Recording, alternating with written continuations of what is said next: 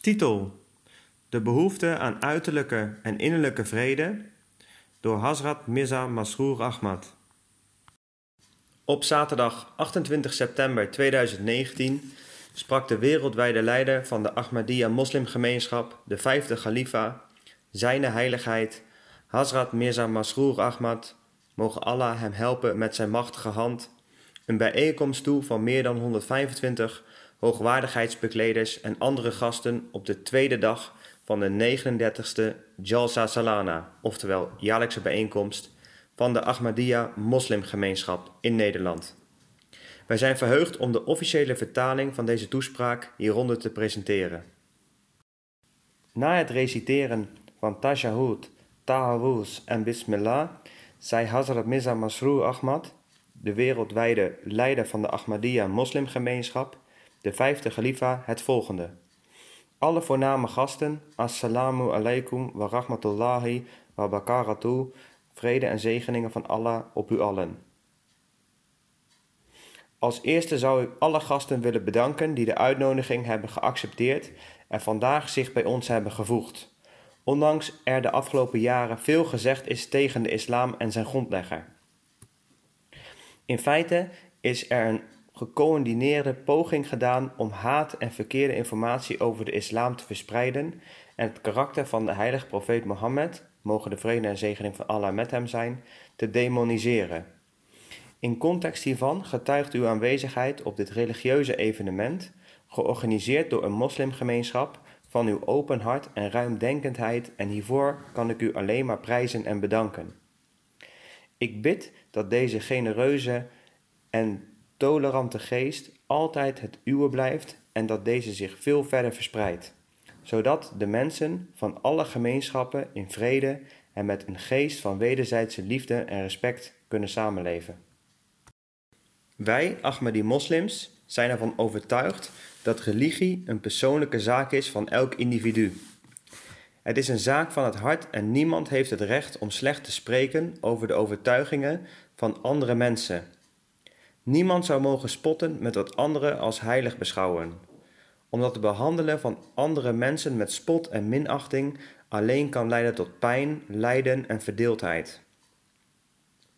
Daartegenover zijn tolerantie en wederzijds respect de hoekstenen waarmee we een vreedzame en harmonieuze samenleving kunnen opbouwen. Zoals ik al benoemd, is het karakter van de heilige profeet van de islam, vrede en zegeningen van Allah zijn met hem, lange tijd gelasterd en verdraaid in de niet-moslimwereld. Ook hier in Nederland hebben bepaalde mensen het voortouw genomen bij het aanzetten tot haat tegen de islam en volkomen valse en gruwelijke beweringen over de heilige Koran en de heilige profeet Mohammed, vrede zijn met hem.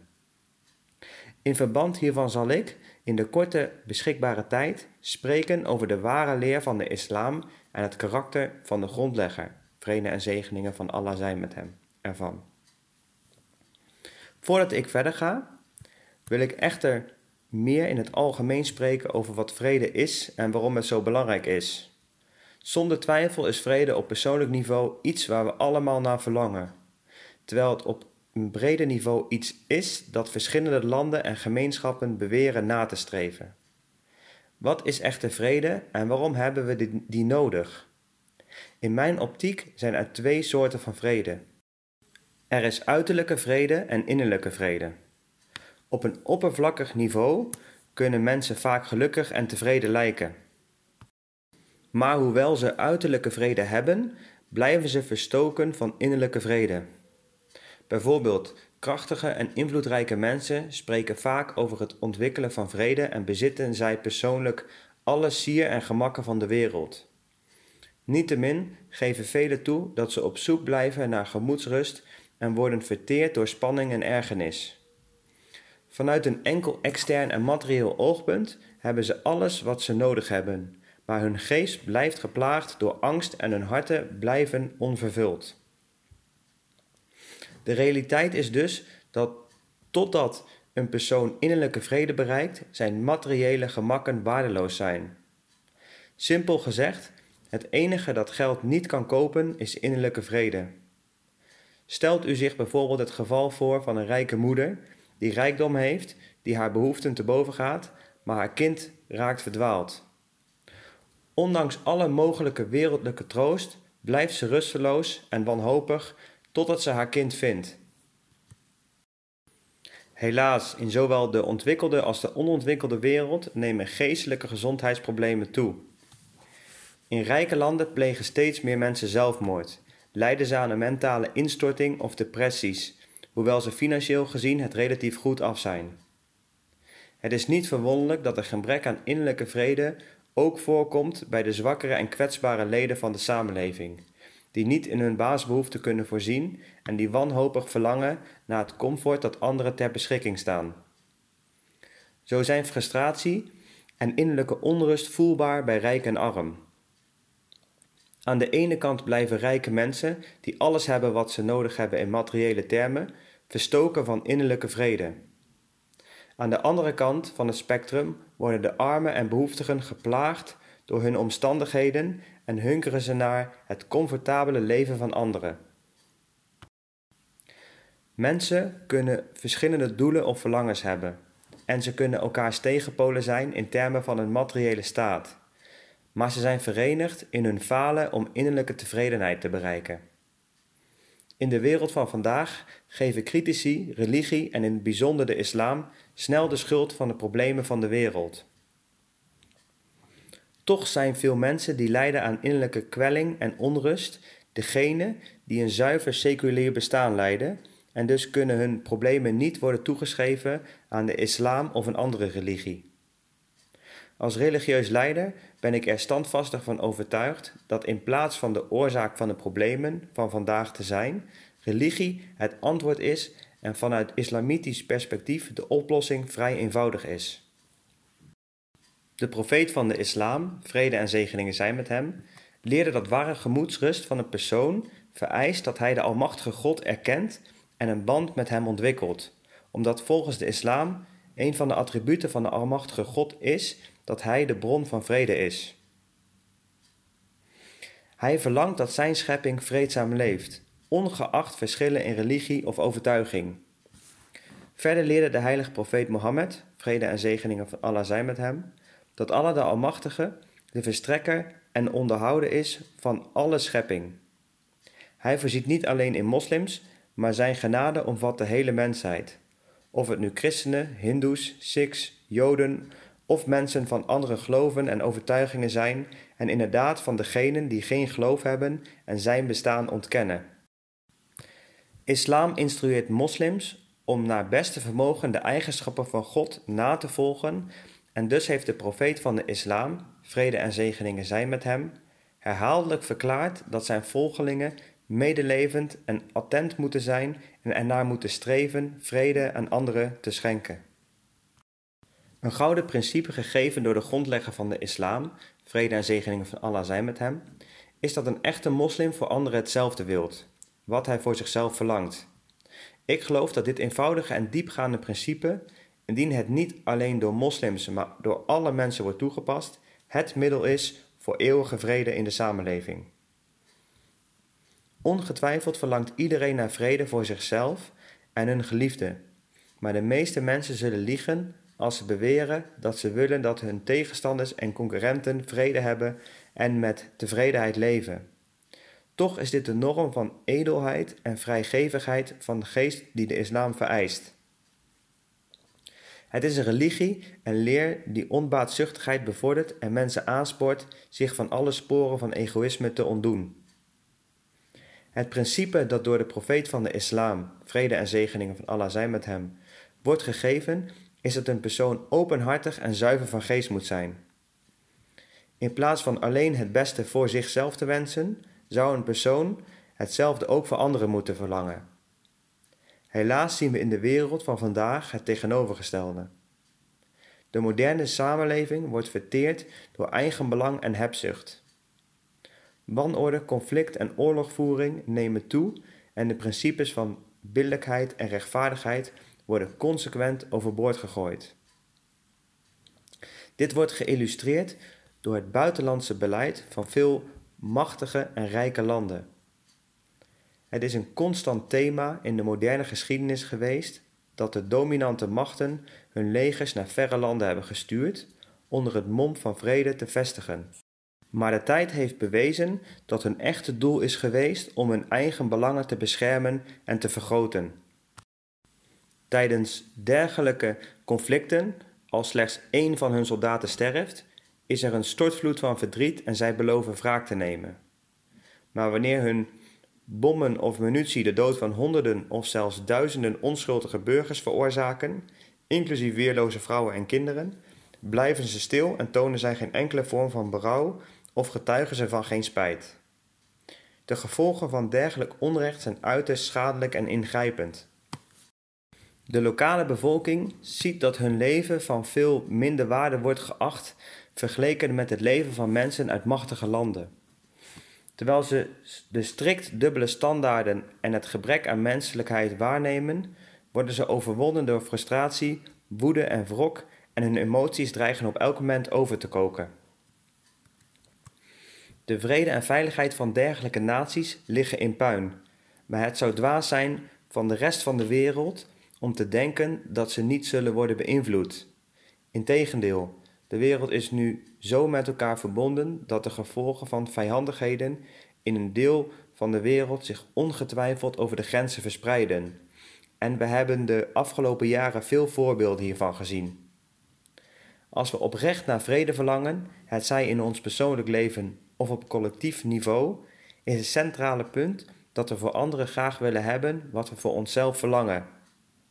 Zoals ik al eerder zei, is dit eenvoudige principe de basis voor echte vrede in de wereld.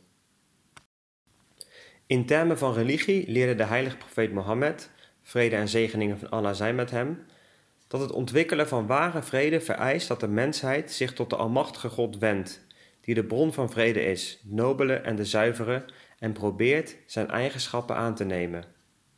Dit betekent dat mensen hun persoonlijke belangen opzij moeten zetten in het streven naar vrede en ervoor moeten zorgen dat hun motivaties ten alle tijde zuiver zijn.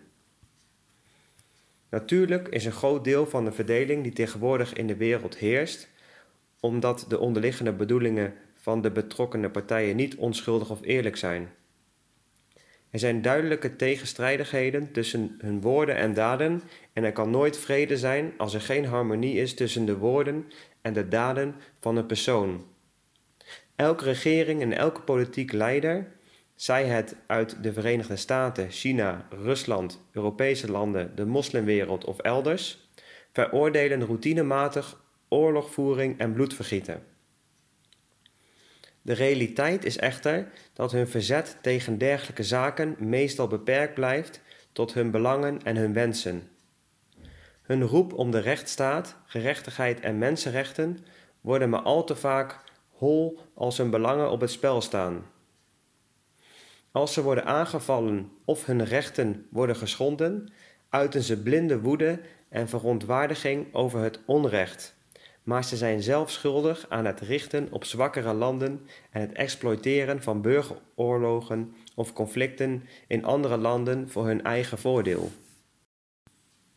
In plaats van de verschillende partijen aan de onderhandelingstafel te roepen en een eerlijke dialoog tot stand te brengen, hebben grote machten zich gewoonlijk in de conflicten van andere landen bemoeid door te bewapenen of te financieren welke partij hun belangen ook ondersteunt.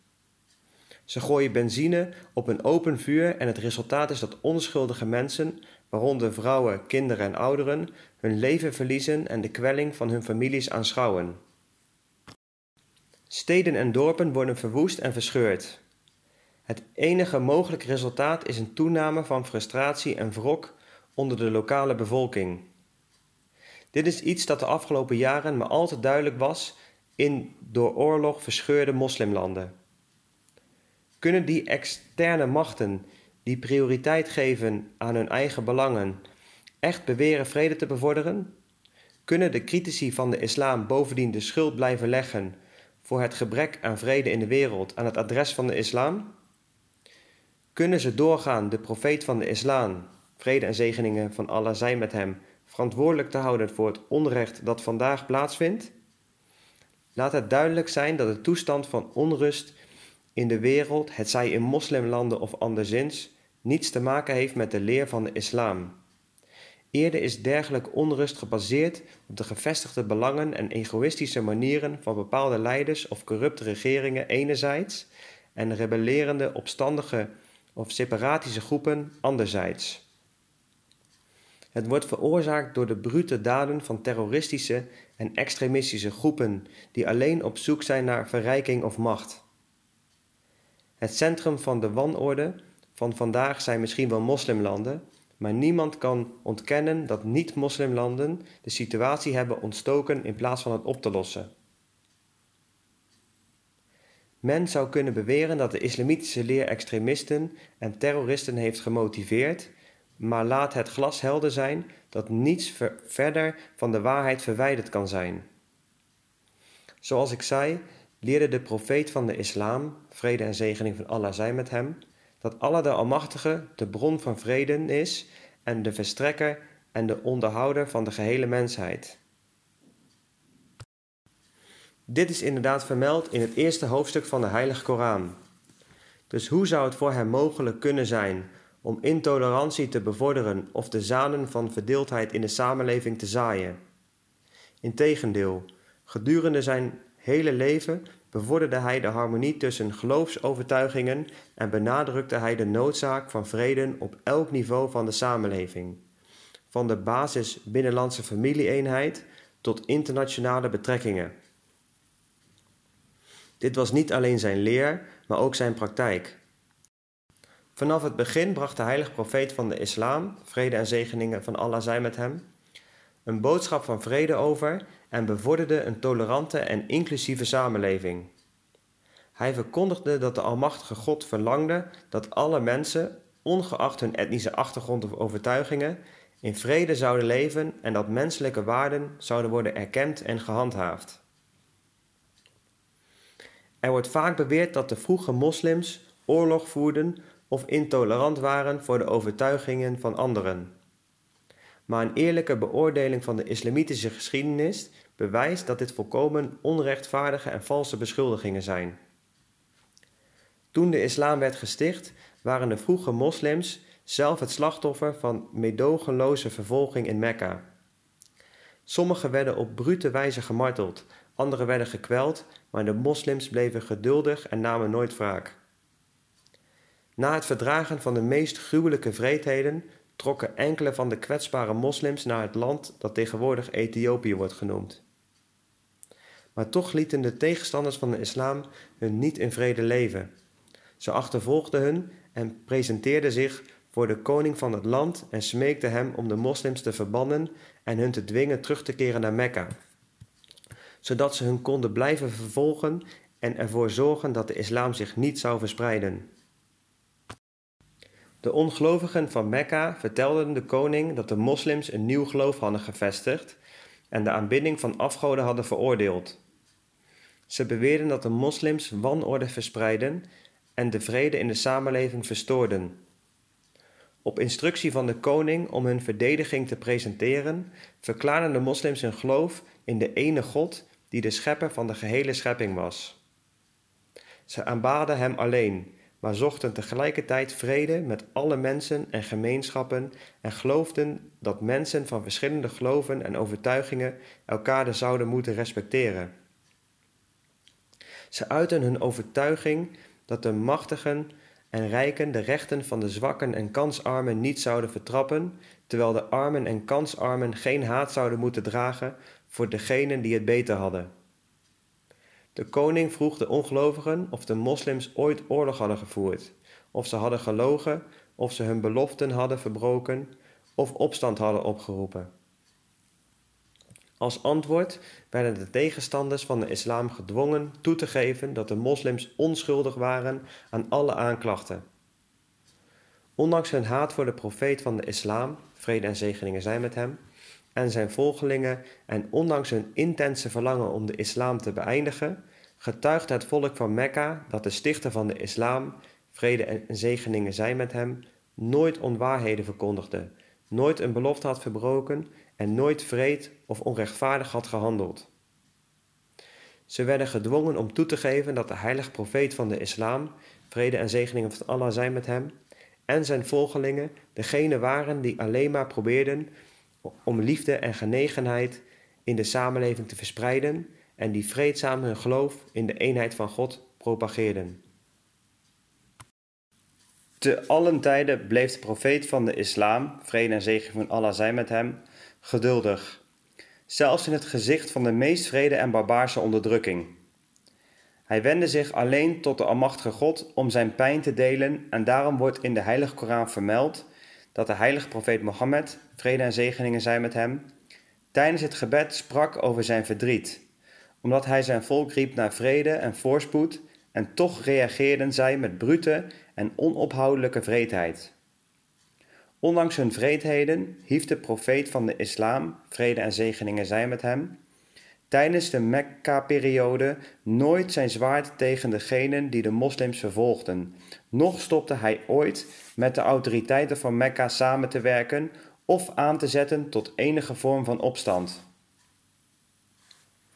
Het geduld van de moslims was gebaseerd op het bevel van Allah de Almachtige, dat wordt vermeld in hoofdstuk 25, vers 64 van de Heilige Koran. Allah de Almachtige richtte zich in dit vers tot de moslims en zei: En de dienaren van de genadevolle God zijn degenen die op een waardige manier over de aarde wandelen. En wanneer de onwetende hun aanspreekt, zeggen ze vrede.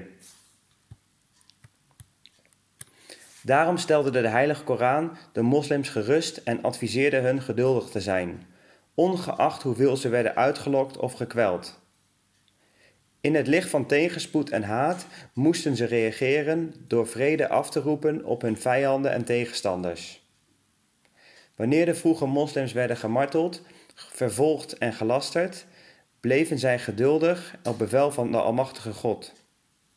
Het negeren van een natuurlijke neiging tot wraak en het naleven van het principe om voor anderen te verlangen wat je verlangt voor jezelf, zochten de moslims vrede voor hun vijanden. Het was niet alleen een tijdelijke vrede die de moslims voor anderen wilden, maar een eeuwige vrede. Zo heeft Allah de Almachtige in hoofdstuk 10, vers 26 verklaard: En Allah roept op tot het verblijf van vrede. Dit vers maakt duidelijk dat moslims de opdracht kregen geen poging ongemoeid moesten laten om een permanente staat van vrede en harmonie te bevorderen en mensen samen te brengen. Toch ging de bittere vervolging jarenlang door en uiteindelijk, toen hun vreedheden alle grenzen overschreden, migreerde de profeet van de islam, vrede en zegeningen zijn met hem, en zijn volgelingen naar de stad Medina.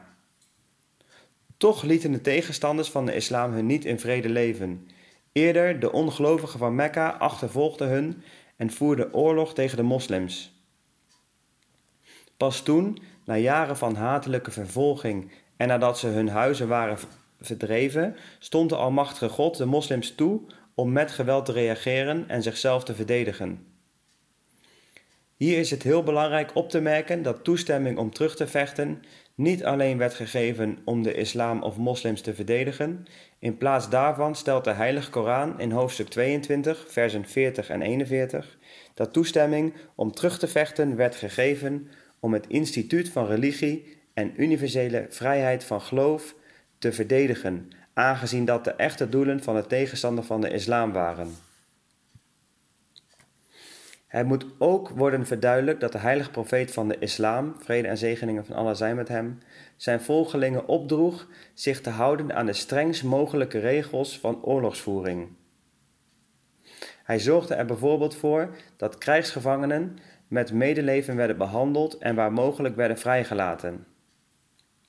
Hij droeg op dat geen enkel kind, vrouw, bejaarde of zieke het doelwit mocht zijn, noch plaatsen van aanbidding of religieuze leiders mochten worden aangevallen. Verder droeg hij op dat als de tegenpartij zelf zou wijzen op verzoening, hun gebaar onmiddellijk moest worden aanvaard, zodat geen gelegenheid voor vrede verloren ging. Het is ook van belang dat, waar vaak wordt gesuggereerd dat de vroege moslims strijdlustig of bloeddorstig waren, tegenwoordig verschillende westerse en niet-islamitische historici toegeven dat het volkomen onjuist is. Uit hun onderzoek blijkt zelfs dat het aantal mensen dat hun leven verloor in alle oorlogen die vochten in de periode van de vroege islam een fractie was in vergelijking met het aantal mensen dat stierf door enkele bronnen in de moderne tijd. Daarom heeft de islam, in plaats van conflicten te zoeken of haat te bevorderen, alleen moslims aangespoord om de muren van haat neer te halen die de mensheid verdelen en bruggen van liefde en mededogen te bouwen om de mensheid te verenigen.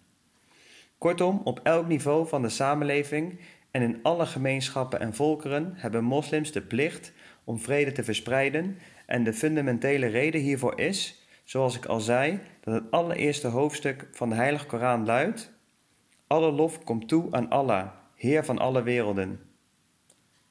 Dien overeenkomstig, waar God de Almachtige, de aanbieder en onderhouder is voor de hele mensheid, is het eenvoudigweg niet mogelijk voor ware moslims om haat of kwade wil te hebben tegenover hun medeschepping.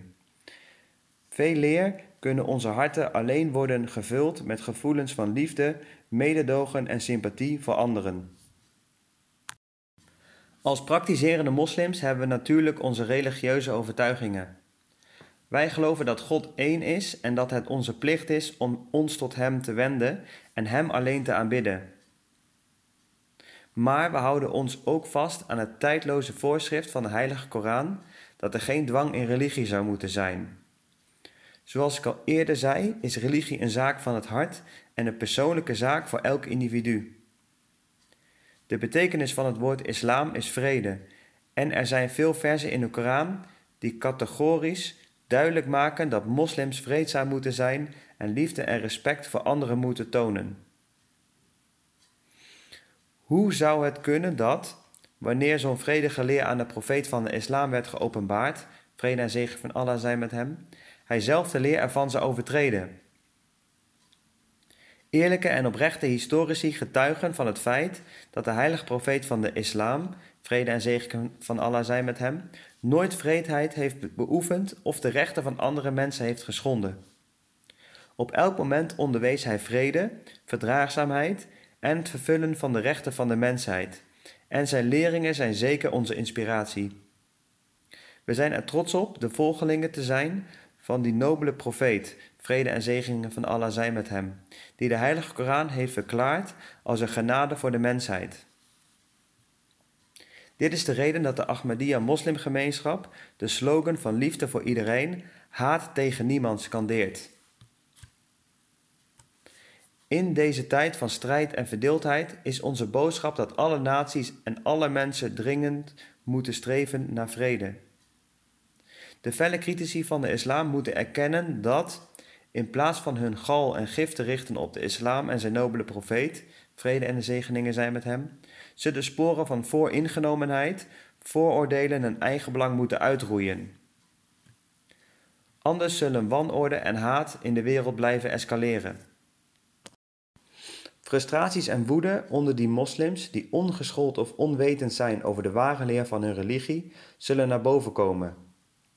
Niet alleen in de moslimgemeenschap, maar overal in de samenleving, waar jongeren hopeloos en gefrustreerd worden, zullen ze een gemakkelijke prooi voor hatelijke geestelen of extremisten zijn die hun geest vergiftigen. We moeten hier tegen waken, anders zal de bittere cyclus van haat die de moderne wereld heeft verduisterd blijven keren. Vrede in moslimsamenlevingen en in de wijdere wereld zal een steeds meer onhaalbare droom worden. Zoals ik aan het begin al zei, is het de noodzaak van deze tijd dat we allemaal samenkomen en in plaats van tegen elkaars religieuze gevoelens in te gaan, we onze krachten bundelen en werken aan een betere toekomst voor onze kinderen en toekomstige generaties. Laten we onze verschillen opzij zetten en trouw werken aan de ontwikkeling van echte en duurzame vrede in de wereld. Laten we elkaar respecteren en ernaar streven een betere samenleving op te bouwen die gebaseerd is op de beginselen van eenheid en het algemeen welzijn. Mogen alle de Almachtige ons daartoe in staat stellen. Amin.